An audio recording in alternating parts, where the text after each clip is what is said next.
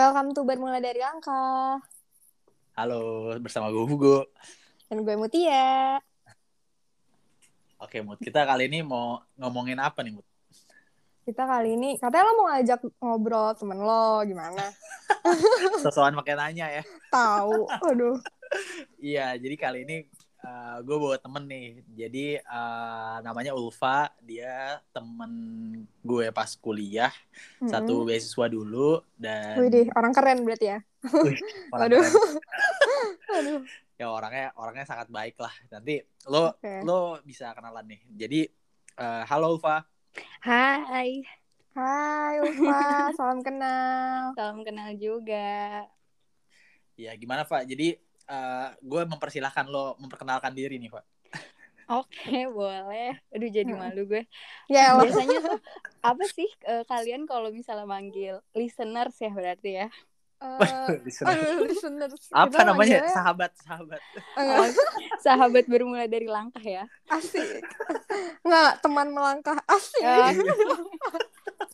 Aduh. boleh, boleh. Oke deh, gue em, kenalin diri sedikit ya. Nama Mm-mm. gue Ulfa.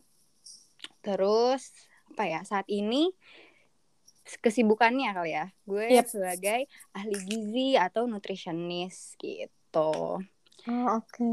Salam kenal semuanya. Salam kenal. Wow, nutritionist. Jadi ada yang ada yang mau lu tanya gak Mut tentang gizi lu? Iya, iya. Langsung banget kon- ya. Eh, eh, gua- ini jadi konsultasi apa gimana, Wak? Ini konsultasi. Aduh. Ini konsultasi gratis kan kita sebenarnya. Aduh. Kalau itu gue private aja, nggak usah di podcastin gimana. Aduh. Berarti Ulfa ini FKM ya berarti ya kalau ahli gizi kan? Iya betul. Kalau di UI itu FKM fakultasnya. Oke. Berarti sekarang eh, kerjanya di bidang itu juga atau gimana? Iya jadi gue dari em, awal lulus ya emang langsung fokus kayak di gizi gitu sih. Kalau sekarang em, kerjanya itu ada namanya dietela gitu. Jadi dia kayak jasa konsultasi online, konsultasi gizi online gitu. Wih, itu berarti kayak Halodoc tapi versi gizi gitu. Apa gimana? Em, ada fitur-fiturnya yang kayak Halodoc gitu, cuma eh, ya mirip lah gitu. Tapi kita apa ya sebutannya programnya tuh nggak nggak cuma satu kali sesi konsultasi, tapi eh, ada durasinya gitu. Jadi ada yang tujuh hari, ada yang sebulan, ad- sampai enam bulan gitu. Oh, oke. Jadi benar-benar program perbaikan gizi gitu ya? Mm-mm, betul. Nih tanya aja Hugo, Hugo kan sering gue paparin tuh. Gila. gue gue udah udah dari sebelum namanya dietela tuh gue udah udah sempet tertarik tuh soalnya. Hmm, eh, emang udah lama ya? Udah dari awalnya sih 2018 ya buatnya, terus sampai sekarang sih kita masih eh masih jalan, alhamdulillah. Hmm, oke oke. Terus sekarang gimana, Pak? Kayak di masa pandemi ini, apakah lancar-lancar? Kayak kehidupan lo dan dietela ini? Kehidupan gue, kehidupan pribadi, Iya, alhamdulillah lancar ya, baik-baik Oke. aja. Karena gue termasuk em, sejak pertengahan 2020 tuh kayak full WFH gitu, emang di rumah. di Hmm. rumah aja gitu dan em, agak menikmati juga sih sebenarnya Kaum rebahan ya? iya maksudnya kayak eh, alhamdulillahnya nggak terlalu stres gitu kan karena banyak gue dengar kabar teman tuh kayak udah jenuh banget gitu ya WFH kayak butuh ketemu orang gitu. Nah Hmm. gue masih bisa masih bisa menyeimbangkan gitu. Eh kadang juga kangen sih pengen main pengen ngumpul bareng gitu tapi nggak yang sampai penat banget gitu sih kalau Mutia gimana nih Aduh, gue yang jadi nanya nggak apa-apa dong. Kalau gue ya gimana ya nasib dokter gigi nggak bisa WFH, ya nggak mungkin pasiennya kita bawa ke rumah gitu kan. Padahal saya juga kaum rebahan nih gimana? oh berarti masih ini terus ya praktek Iya datang masih praktek terus betul. Hmm, ya ampun, Dan kayak harus bener-bener harus jaga-jaga diri banget sih. Berarti Kayak sekarang pas yang COVID. PSBB eh PPKM darurat ini tetap buka ya Mut? Tetap tetap buka. nggak libur sama sekali, nggak ada pengurangan sama sekali. Cuman paling ini sih kayak di ppkm ini kayak seleksi kasus. Jadi misalnya yang benar-benar emergensi dulu lah, yang bisa kita tanganin gitu. Kalau enggak orang di rumah aja gitu. Iya sih, gue punya pengalaman tuh awal-awal pandemi ya. Jadi gigi be- gigi apa sih belakang Hmm? gigi apa sih sebutannya lupa. Gigi Gigi apa gigi geraham. belakang? Oh gigi Ah. geraham, oke. Gigi geraham belakang gue itu kan baru keluar gitu. Oh Itu iya. kayak pertengahan 2020. Jadi dari awal sampai pertengahan 2020 tuh gue masih ada di Lampung. Waktu itu ada kayak urusan gitu. Terus Hmm. sakit kan gigi gue pas lagi awal-awal pandemi. Dan itu nggak ada dokter gigi yang mau eh, kayak meriksain gitu loh. Jadi diperiksanya tuh by chat aja kayak ditanya sakitnya gimana gitu-gitu karena emang ini ya masih Bukan emergensi gitu sih. Mm-mm, mm, kayak ya udah gitu. masih bisa ditolong dengan cara lain. Iya benar-benar. Tapi ya tetap jangan dibiarin ya. iya, sekarang udah sembuh sih. Oh. Alhamdulillah. Pak, tapi itu kan kehidupan pribadi. Kalau Mm-mm. eh, pekerjaan, karir atau apa yang di Diatela ini benar-benar nggak ada pengaruh ya? Kayak nggak ada krisis apa pun. Eh, hmm, alhamdulillah enggak sih. Mungkin awal-awalnya gitu ya. Kita sempat eh, mikirin juga eh gimana ya orang-orang eh, jaga kesehat jaga kesehatan gak nih gitu. Sampai akhirnya kita putusin buat bikin challenge tuh waktu itu. Hmm. Gue juga ikutan kan ya. Gue awalnya sih gue tawarin tuh. Kita tawarin mulu sama lu kan.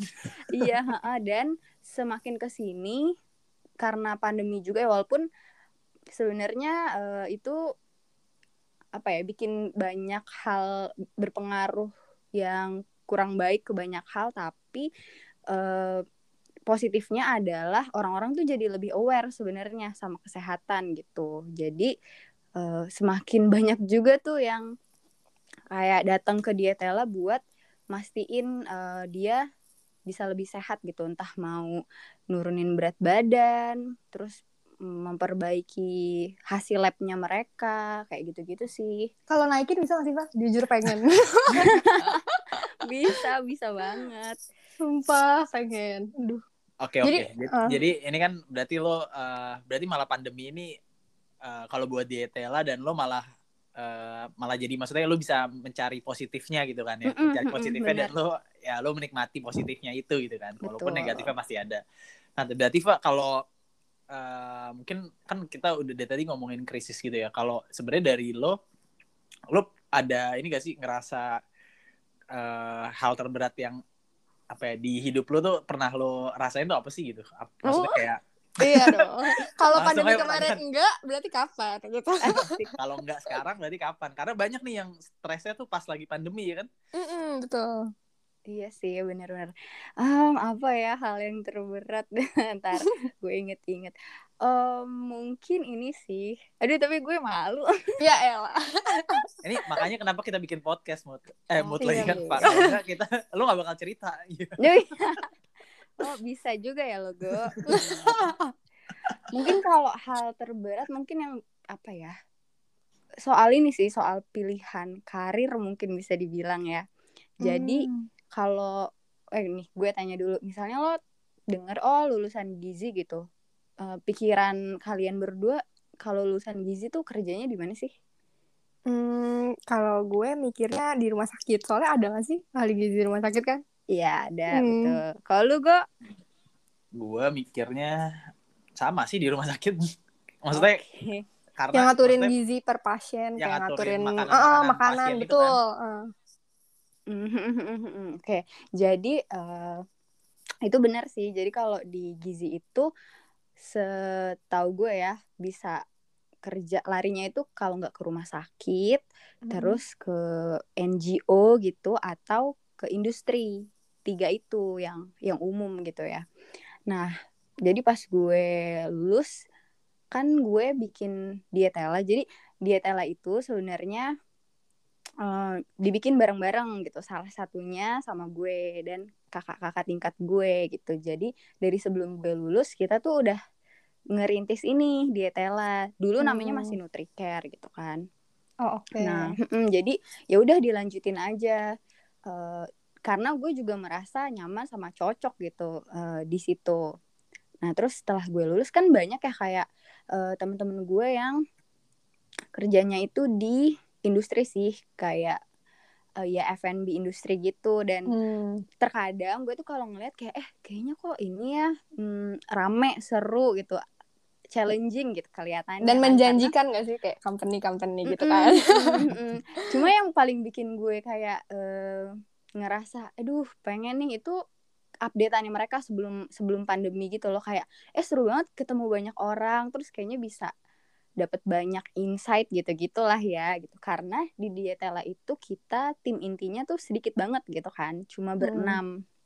Tapi alhamdulillah masih bisa survive sih. Hmm. Nah itu jadi gue kadang-kadang ngerasa eh gue ini enggak ya em, pengen nyoba kayak gitu enggak ya? Tapi di satu sisi aduh enggak deh kayak gitu loh jadi bergulat sama pikiran Iya. sendiri gitu gitu.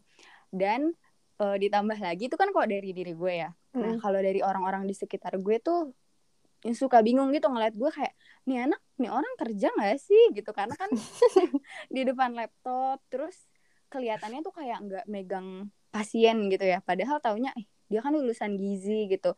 Kok nggak di rumah sakit? Atau eh, ya kok nggak pakai seragam kayak tenaga kesehatan gitu loh Hmm. padahal sebenarnya ya di Dietela gue juga pegang klien sih Klien. gitu Iya banget ngerti-ngerti. Ah, jadi kayak ya kadang-kadang kalau ngedengerin hal-hal kayak gitu tuh bikin yang tadinya lagi semangat kerja terus jadi mempertanyakan diri sendiri gitu loh kayak aduh bener gak ya ini yang gue lakuin kayak gitu sih Hmm, paling oke. seperti itu Tapi lo kayak eh, membandingkan diri lo sama peer lo yang lain gak sih?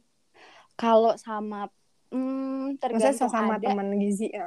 Ha, ha, ada momen-momen di mana gue kayak gitu tapi gue kayak mencoba aduh jangan kayak gitu Deva gitu ya tapi nggak bohong juga pikiran kayak gitu kan apa ya menurut gue manusiawi gitu muncul Iya banget. heeh. iya bener sih Tapi lo menyesal nggak dengan pilihan lo sekarang? Eh enggak Oke. enggak enggak banget alhamdulillah Oke oke oke. Iyalah. ah tapi eh Pak, tapi lo berarti belum pernah nyoba ini ya Pak? Selain si startup lo ini ya, selain si Dietela ya? Lo belum pernah nyoba kerja di industri gitu ya?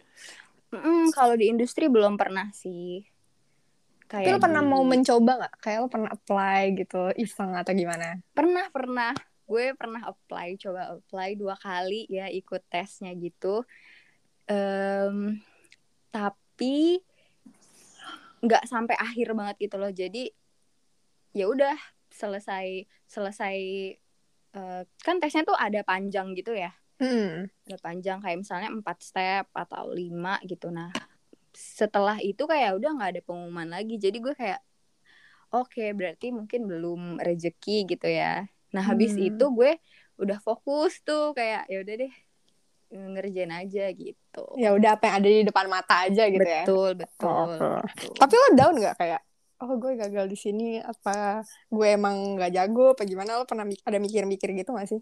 kalau waktu jadi kan gue ikut dua kali tuh ya Hmm. nah yang waktu pertama gue tuh kayak galau banget gue ini nggak nggak ada kabar gitu kan Hmm. karena kan gue taunya kalaupun misalnya lo di nggak diterima gitu Hmm. itu uh, at least mungkin dikasih tahu kali ya apa kekurangannya dan lain-lain gitu tapi ini kayak bener-bener gak dikabarin aja gitu ya Oh, udah tuh di situ oke. kayak, aduh, gitu. Cuma kayak masih ya udahlah coba lagi aja nih. Terus yang selanjutnya yang gue tahu gue nggak diterima itu beneran di email. Terus dia tuh ben ngelis gitu loh apa yang bisa di apa yang udah bagus dari gue terus apa yang bisa diimprove. Nah jadi itu gue udah Oh. kayak oh oke gitu. Gue jadi belajar ini dan ya udah mungkin karena nggak mikirin kali ya lebih tepatnya. Jadi nggak ya nggak down lagi gitu. Karena memang ya udah gitu Oke, lo kayak ya udah bersyukur ya gitu ya.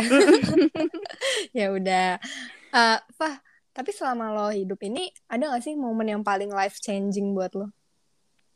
momen yang paling life changing um, apa ya Susah ya untuk kayak kayak orang-orang masih berusia 24 tahun mungkin ya. Dia lebih muda dari kita buat Iya. Kita aja udah Iya. susah, Go. Aduh, lebih muda satu tahun doang sih tahu. Beda dikit, cuy. mungkin momen yang paling life changing apa ya ini kali eh semenjak udah kuliah pokoknya gue tuh pas tahu susahnya cari uang menurut gue itu life changing uh, moment buat gue karena jadi jadi lebih uh, bersyukur terhadap banyak hal gitu loh.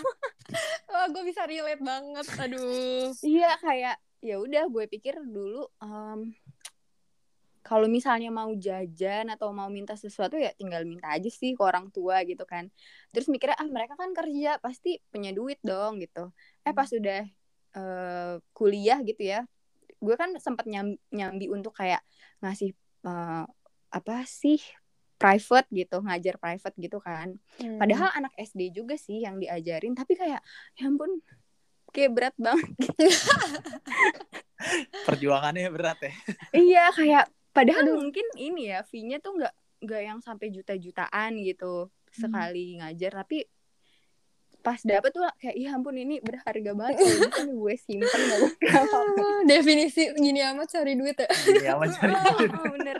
Itu sih aduh. nah, gue gue mikir life changing lo ini apa buat si dieta lain nih? Kalau itu termasuk life changing gak buat lo hmm, bisa jadi tapi kak kak pada saat itu gue merasa gue udah melewati ini ya melewati uh, eh tar dulu ini life changingnya tuh maksudnya yang gue jadi lebih hmm, positif atau kayak gimana gitu. Atau kayak gue mengalami kesulitan hmm. terus gue jadi tercerahkan ya bisa juga. Itu tergantung bisa, lo gimana hmm. menginterpretasikannya aja.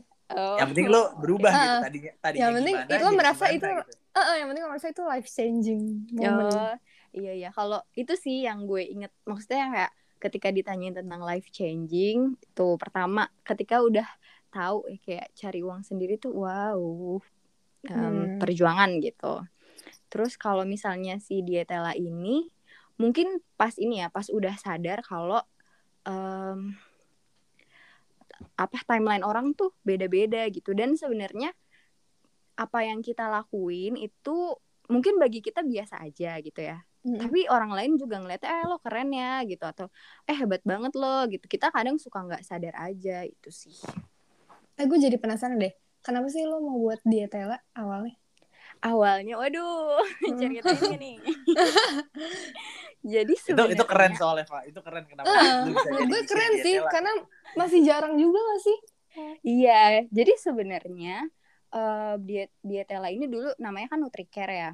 Mm -hmm. Nah, gue tuh awalnya banget eh, nggak uh, punya ide apa-apa gitu loh jadi pada suatu hari pada saat itu uh, Gizi itu tuh punya acara maksudnya Gizi UI departemen Gizi UI itu punya acara kan um, acara iluni gitu oke okay. nah jadi um, kakak-kakak tingkat tuh dari angkatan atas atas mereka kan kayak pada datang ya buat kayak saling kenalan gitu hmm. nah pada saat itu kan gue lagi uh, aktif di organisasi di himpunan namanya hmm. tuh Asosiasi Keluarga Gizi gitu. Jadi gue ikut bantulah uh, Iluni itu. Hmm. Terus jadi kenalan nih sama namanya Kak Rifkah sama Kak Amel. Gitu. Okay. Jadi awalnya banget mereka berdua ini yang kepikiran untuk bikin ini yuk kayak konsultasi gizi atau apa pun deh pokoknya yang bisa mengharumkan nama ahli gizi gitu kayak biar orang-orang tuh tahu oh ahli gizi tuh ini ya berat apa tugasnya kayak gini. Oh berarti gue kalau mau tanya soal makan tanya soal diet tanya soal berat badan uh, yang berhubungan dengan itu pokoknya itu tuh ke ahli gizi gitu. Karena uh, ya masih menurut gue masih belum banyak lah orang yang tahu gitu kan. Benar ya udah mm, akhirnya ditawarin eh mau nggak join? gitu kan. Karena gue masih masih di semester berapa ya waktu itu? Belum semester akhir sih. Mungkin tahun ketiga kali ya ya udah gue pikir why not? gitu kan. Ya hmm. udah akhirnya join terus ternyata kok ini ya kayak serius gitu. Maksudnya nggak cuma cuap-cuap kayak mau bikin ini terus ngawang-ngawang gitu loh. Tapi hmm. beneran kayak eh kita kalau mau buat ini berarti stepnya harus apa ya? Terus sampai belajar banyak belajar hal hal-hal yang kalau di gizi tuh nggak dipelajarin gitu. Pertama kali gue tahu tentang bisnis model kanvas kalau nggak salah sebutannya. Hmm, itu tuh sebelum gue lulus yang gue tuh tadinya nggak tahu apa-apa. Jadi gara-gara mau bikin yang namanya Nutricare ini gue tuh kayak ikutan belajar oh cara bikin um, plan bisnis tuh seperti Iya, ini gitu. Terus dapat pengalaman buat um, bikin apa pitching perusahaan gitu. Pokoknya banyak banyak hal deh gitu. Oh.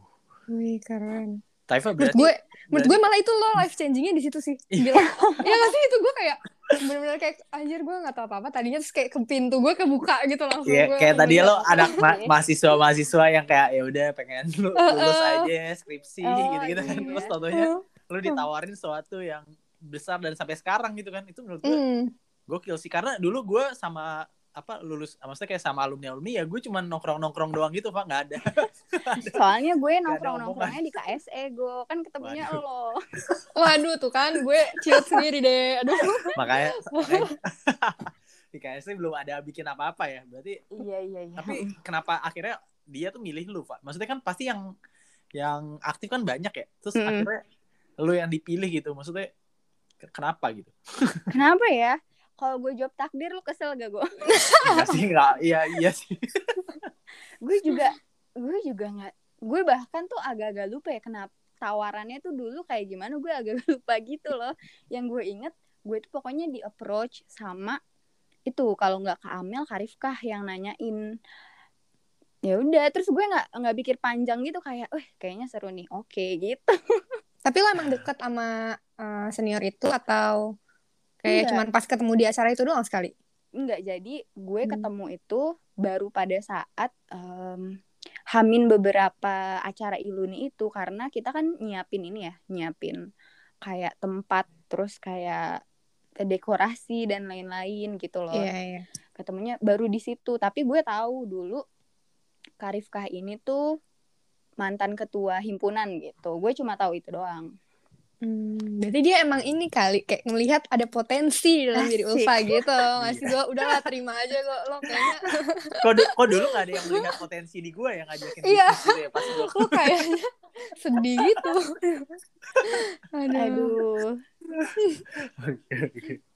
Eh, Fa, iya dulu dulu Mhm. malah di KSE tuh gue inget banget ya waktu Hugo nih ketuanya gue kan daftar ya apa sih divisi apa ya pokoknya gue daftar divisi kayak nomor satu tuh itu gitu.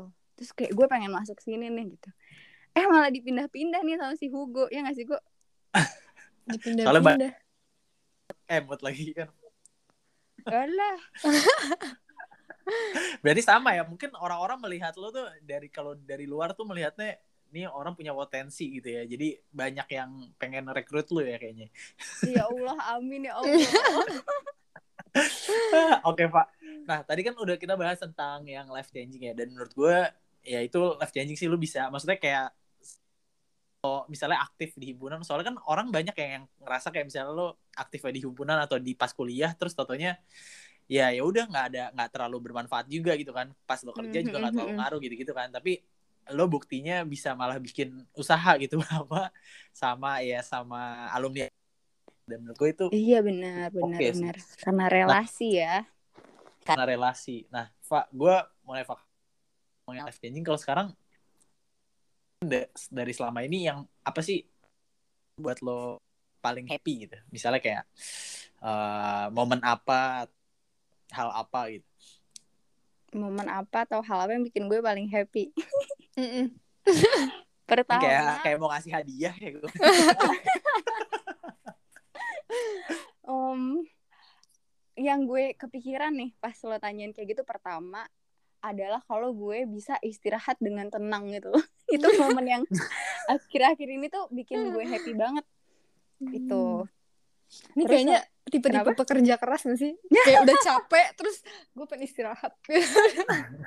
enggak karena tuh kayak kadang eh gue tuh suka suka aja. Misalnya udah siap-siap mau tidur nih terus gue kepikiran sesuatu eh ini apa ya? Terus kayak nyari gitu. Jadi kayak aduh harusnya kan gue istirahat aja gitu nggak usah nggak usah nge-scroll nge-scroll nyari-nyari lagi besok aja.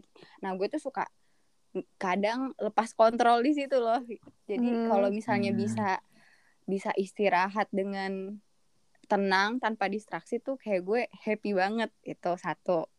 Terus yang kedua kalau misalnya gue em, bisa apa ya em, melakukan satu hal yang baru dan itu ternyata kepake untuk jangka panjang gitu nah itu gue kayak seneng banget sih Contohnya apa tuh, Pak? Hmm. contohnya Ini. jadi eh, dulu ini masih berkaitan juga sih sama dietela Jadi Hmm. awal-awal banget kan kita masih kayak gak punya sistem dan lain-lain gitu ya. Kayak kerjanya tuh hmm, ya udah deh, ini mau ngerjain apa nih hari ini kayak gitu-gitulah. Mm-mm. Terus habis itu gue diajarin nih cara bikin apa ya kayak bukan timetable sih sebutannya. Pokoknya kayak misalnya bulan ini apa sih target-target lo, terus lo tentuin deadline-nya kayak gitu deh. Jadi kayak Hmm. lebih lebih terkontrol gitulah. Dan itu pakai Google Sheet ya. Jadi itu menurut gue ini sesuatu hal yang baru gue tahu terus bisa gue aplikasikan buat hal apa aja ternyata gitu jadi gue kayak seneng banget dan kalau misalnya orang punya masalah yang sama nih misalnya ada yang curhat eh gini gini gini eh lo cobain ini deh gitu ternyata itu juga berhasil di mereka itu juga kayak gue kayak ngerasa happy aja gitu Oke. Itu itu kayak to-do list gak sih? Apa kayak timeline aja gitu? Apa gimana? Hmm, iya sebenarnya sih kayak to do list ya cuma kalau gue dulu tuh to do listnya kayak cuma Senin ngapain gitu ini tuh kayak terukur gitu loh Oh, Gitu. include targetnya gitu ya. Mm-mm, lebih lebih apa ya sebutannya lebih lebih sistematis gitulah pokoknya Oh, oke oke oke oke. gitu sama jalan-jalan sih seneng gitu. Tentu saja. Heeh. Aduh. Oke. Fah, eh, ada gak sih pelajaran yang kayak menurut lo tuh kayak valuable banget gitu, yang bisa lo share mungkin ke orang-orang? aduh berat nih. Berat ya bun. Pertanya- pertanyaan kita berat-berat juga. Aduh, Padahal kita ngobrolnya mau santai, tapi berat pertanyaannya. Gak apa-apa. gue tahu nih Hugo sengaja ngomongnya santai kok santai gitu ya Tiba-tiba Ini berasa ujian Berasa kayak ujian ujian diri sendiri gak sih? Kayak mengenal diri gitu. Iya bener-bener Em, Apa ya Pelajaran yang valuable Mungkin eh Mungkin ini bisa relate sama Yang seumuran kita kali ya. Maksudnya yang experience-nya tuh Masih belum terlalu banyak gitu. Mm-mm. Kalau menurut gue sebenarnya Apa pun yang lagi kita lakuin gitu ya em, Kita Fokus Sama jangan terlalu banyak lihat negatifnya gitu.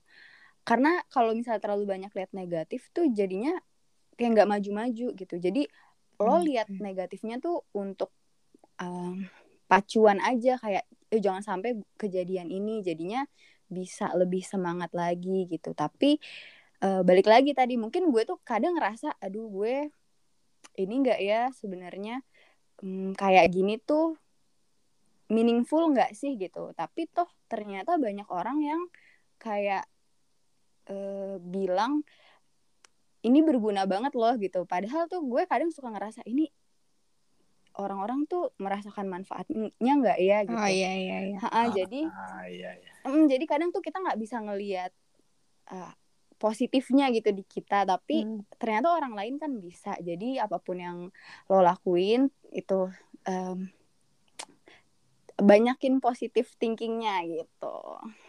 Oh, Setuju oke. sih. Kadang-kadang nggak tahu sih gue juga ngerasanya iya gitu sih maksudnya kalau kita misalnya kita do something gitu ya tapi emang sebenarnya malah pikiran negatif kita tuh yang nge- ngehambat kita gitu kan Misalnya Mm-mm, kayak kita ngerasa kayak ah kayak gini kayaknya nggak ada gunanya deh atau kayak ternyata padahal sebenarnya orang-orang tuh ternyata ngelihat kita tuh ternyata ba- bagus gitu ya jadi eh mendingan kita positive thinking sama diri kita juga jadi maksudnya oh, bahkan orang lain aja positive thinking gitu ya sama kita maksudnya kita nggak positive thinking gitu Betul. Sama ini juga penting sih, maksudnya apa pun yang kita lakuin jangan pernah punya niat yang gak baik gitu loh. Jadi Hmm. eh, tetap pak tetap baik pokoknya apa pun yang mau lakuin jangan jangan sampai ada niatan gak baik tuh muncul gitu. I Hmm. see. Setuju, setuju, setuju. Bener sih. Gue gue lo gue ngeli eh gue nggak dengar Ulfa ngomong barusan tuh kayak gue tahun lalu gak sih? Gue gue tuh ngelihat sumpah gue tuh kayak gue tuh sampai eh, kok gue sampai bingung gitu. Kok ada sih orang yang nggak baik gitu? Ada yang jahat? Tapi ya karena kita masih muda kali ya nanti lo juga Asik. akan mengerti kayak deh di balik itu sebenarnya tuh pasti ada sesuatu juga sih. Tapi semuanya bakalan jadi pelajaran sih Asik ya betul. Setuju.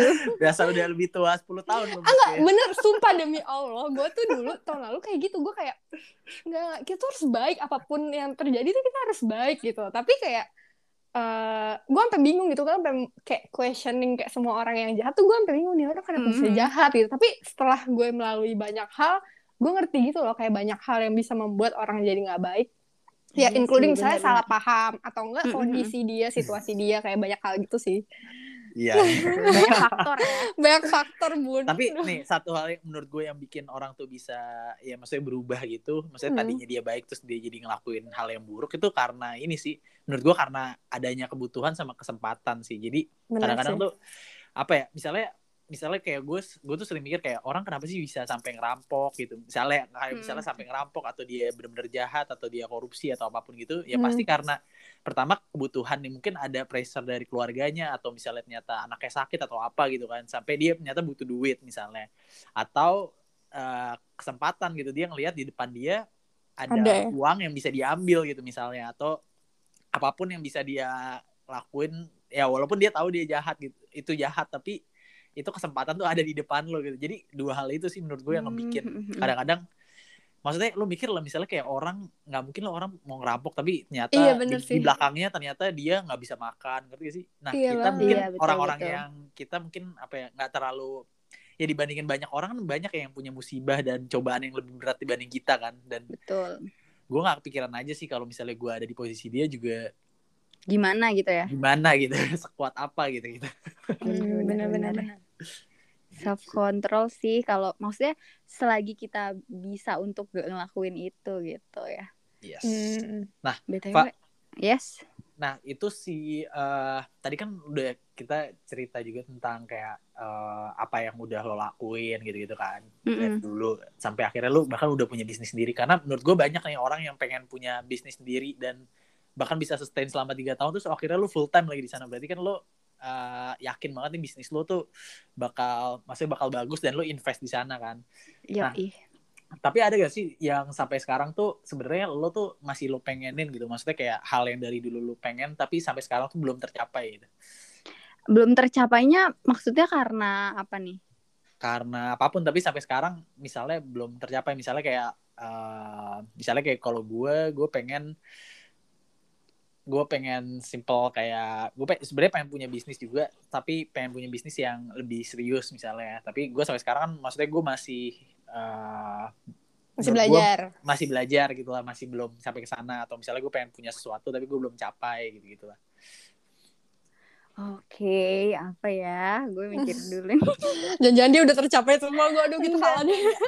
Hmm, mungkin ini kali ya. Kan em, sebenarnya tuh gue pengen banget em, lanjut sekolah lagi ya Oh. Nah, tapi karena beberapa hal, terus juga ini sih kayak gue masih belum bisa bagi waktu antara kerjaan sama kayak nyambi belajar-belajar untuk persiapan Persiapan. Uh, uh, persiapan itu jadi kayak fokusnya kan masih aduh kebagi-bagi gitu kan. Hmm, Terus sekarang ditambah pandemi juga lebih susah gitu. Jadi itu mungkin yang belum belum tercapai kalau gue sih. keinginan untuk kayak- sekolah lagi ya berarti. ya? Betul, heeh. Karena gue kayak pengen nggak tahu kenapa ya masih pengen aja gitu. Nanti tiba-tiba Hugo nanya, "Kenapa lo pengen banget S2?" gitu. Iya. Iya kenapa sih?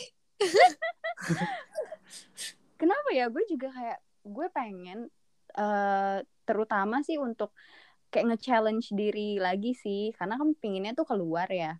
Mm-mm. Nah, gue tuh belum pernah tuh istilahnya apa ya, sekolah jauh-jauh atau tinggal Oh. jauh-jauh dari rumah juga belum pernah kan gitu. Jadi gue merasa pengen nyobain itu gitu. I Ah, see. Oke. Tapi apa sih hal yang lo pengen capai ke depannya sebenarnya, Pak? Pengen capai oh Hmm. apa ya jadi influencer kayak Hugo kali ya. Oh iya sih, keren banget gak sih masuk L'Oreal. ada. kayak lo itu bisa random banget itu gimana caranya tuh? enggak enggak enggak eh, maksudnya ya lo kan udah influencer mikro influencer ya gue ya Asik. Emang gue. Parah. Nggak, lo merasa terinfluence gak sama gue, Pak? iyalah gue kan kalau tiap lo habis update olahraga gitu anjir gue aja olahraga masa gue enggak Wih deh. Panggilan gue. iya kan lo Mutia suka ini juga nggak lihat storynya Hugo tuh Iyalah. Aduh, Hmm. orang kerjaannya dia kalau nggak ngepost tentang olahraga, terus motivasi-motivasi, udah cocok gak sih? Udah ada brandingnya kan? iya Aduh, oke tadi apa sih pertanyaannya? Apa? Yang lo mau capai selain jadi influencer kayak Hugo? Oh, oke. Eh, apa ya gue yang ada di pikiran gue saat ini tuh pokoknya gue pengen dietela terus berkembang ya dan orang bisa tahu tapi nggak cuma tahu juga tahu manfaatnya gitu loh kayak oh ternyata ini toh karena banyak banget eh, di bukan di circle juga sih maksudnya banyak orang-orang yang gue kenal itu tuh masih suka salah paham sama gimana sih hidup sehat tuh harusnya diet itu kayak gimana gitu. Jadi lebih pengen mereka tuh tahu sebenarnya sehat itu tuh nggak harus susah nggak harus yang nyakitin diri sendiri kayak gitu sih. Apalagi soal diet gitu. Benar. jadi pengennya nanti ini orang-orang udah nggak bertanya-tanya lagi kalau misalnya gue nanya eh kalau mereka nanya eh di mana lo sekarang gitu terus gue bilang iya di dietela apa tuh dietela gitu tapi mereka udah oh di dietela Wah, kayak keren gitu. tuh dietela gitu. Gila. Amin, amin, amin. Aduh. Amin. Amin, ya. amin. Ntar kalau udah kayak gitu jangan lupa gue dan Hugo ya ntar ah, Hugo siapa ntar gitu lagi sementara kita ya tema ya kita tahu gitu Iya, kita pernah bikin podcast bareng gitu ya. Terus Iya. terus dia siapa? Gitu. krik krik krik ya enggak lah enggak. Siapa tahu kan nanti abis ini tayang gitu terus bisa tipis-tipis promo kayak eh dengerin nih gitu. Mulai buat influencer. Oh, eh, boleh boleh. Oke. Oke. lo malu-maluin gak sih gue? Enggak lah. Jadi, jadi, Pak, kalau lo kan tadi berarti kan pengen S2 gitu kan. Terus lo Mm-mm. pengen dietela supaya, eh, maksudnya kayak lo pengen kalau orang-orang tuh tahu lah tentang hidup sehat itu sebenarnya itu gimana gitu kan. Dan Mm-mm, mm-mm. tahu dietela juga gitu kan. Jadi kan ini tiap orang kan pasti beda nih kayak eh, keinginannya itu gimana kan dan eh, anggapannya setiap orang pasti pengen sukses kan gitu Yes. akhirnya gitu. Nah Hmm. berarti kalau buat lo sendiri sukses itu kalau udah sampai kayak gimana sih Mut? Eh. Aduh. Hugo lo udah berapa kali ngomong mood lo nanya Iya, berat-berat gua banget sih fix. Suara suara lo berdua mirip sih sebenarnya. Enggak sih. Aduh lo masih ngantuk gak sih kayaknya? Aduh jangan jangan buka kartu dong gue baru masuk. Enggak ini kayaknya karena dia baru bangun tidur jadi kayak dia bener. pertanyaannya jadi berat-berat gitu. jadi abis ini ya sebelum tidur gue abis mikirin ini sih refleksi diri rasanya. Astaga aduh Oke, sukses ya berarti sukses menurut gue ya. Mm-mm. Hmm. Oh, berat sih ini. Mungkin yang bisa em, gue sampaikan sekarang soal sukses itu adalah sebenarnya gimana tergantung lo ya, gimana lo bisa eh, pertama melihat hmm, apa ya sebutannya? Apa yang udah lo lakuin gitu. Jadi kan menurut gue ya nggak mungkin orang mm, gitu-gitu aja. Maksudnya gitu-gitu aja tuh dia nggak less likely orang untuk nggak melakukan sesuatu yang beda dari hari sebelumnya gitu. Misalnya dia ngerasa aduh kok gue nggak produktif banget ya? Terus besoknya dia apa? Jalan pagi atau jadi masak atau jadi ngapain pokoknya ada ada perubahan walaupun kecil. Nah, menurut gue sukses itu adalah ketika kita sebenarnya bisa berubah walaupun gak banyak ya dari hari kemarin dan perubahannya itu lebih baik dan kita bisa tahu itu gitu. Itu sih Oh. menurut gue. Jadi sebenarnya sukses buat lo tuh ini ya fulfilling fulfilling itu ya rasa fulfilling kalau lo tuh udah lebih produktif atau lebih baik gitu dibandingin hari-hari sebelumnya gitu ya. Iya, betul, betul. Ah, deep juga lo berarti ya pikirannya. Iya loh. Bukan- kayaknya bukan berat-berat tuh. Maksudnya bukan jawab. sukses yang kayak misalnya harus udah punya ini, harus udah punya ini, harus punya ini, tapi kayak lo yang penting hati lo gitu ya, hati lo tuh tenang dan apa ya, fulfilling gitu ya.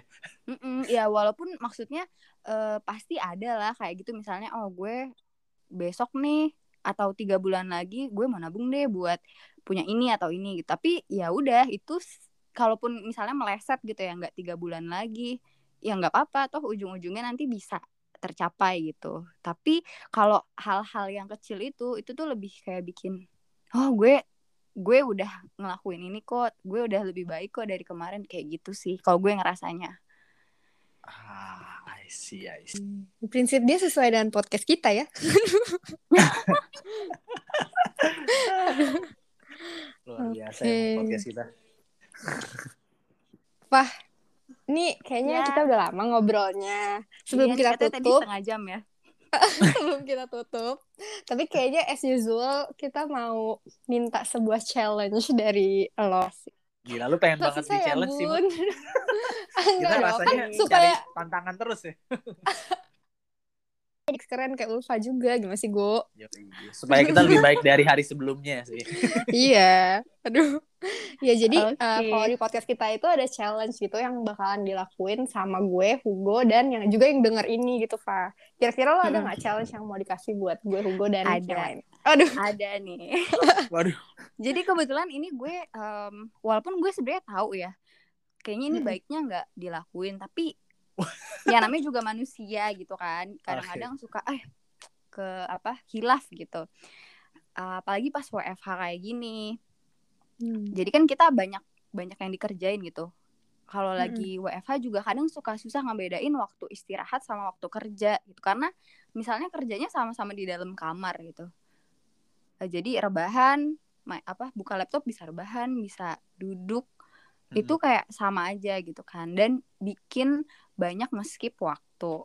Nah challenge gue Hmm. adalah em, kita gue mau challenge kalau misalnya kita mau makan atau lagi makan ya itu nggak nggak ada distraksi apa pun gitu. Jadi pas lagi makan ya udah fokus makan em, buka laptopnya tuh diudahin dulu gitu. Jadi kita nyisain waktu misalnya 10 menit 15 menit bener-bener buat makan dan itu tuh jadi sekalian waktu istirahat buat kita gitu jadi Ah. makannya tuh nggak usah sambil ngerjain sesuatu lah gitu jadi fokus gitu eh boleh dua nggak sih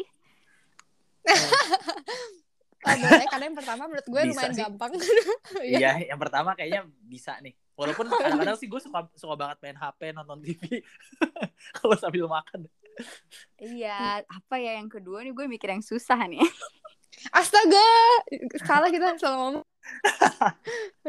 Enggak sih maksudnya Hmm. ya yang simpel-simpel aja tapi kadang mm, mungkin suka kelupaan gitu ya kayak tadi makan itu contohnya sama Hmm. yang kedua adalah mungkin orang-orang yang suka ngopi kali ya relate gitu. Gue sebenarnya nggak nggak nggak minum kopi sih.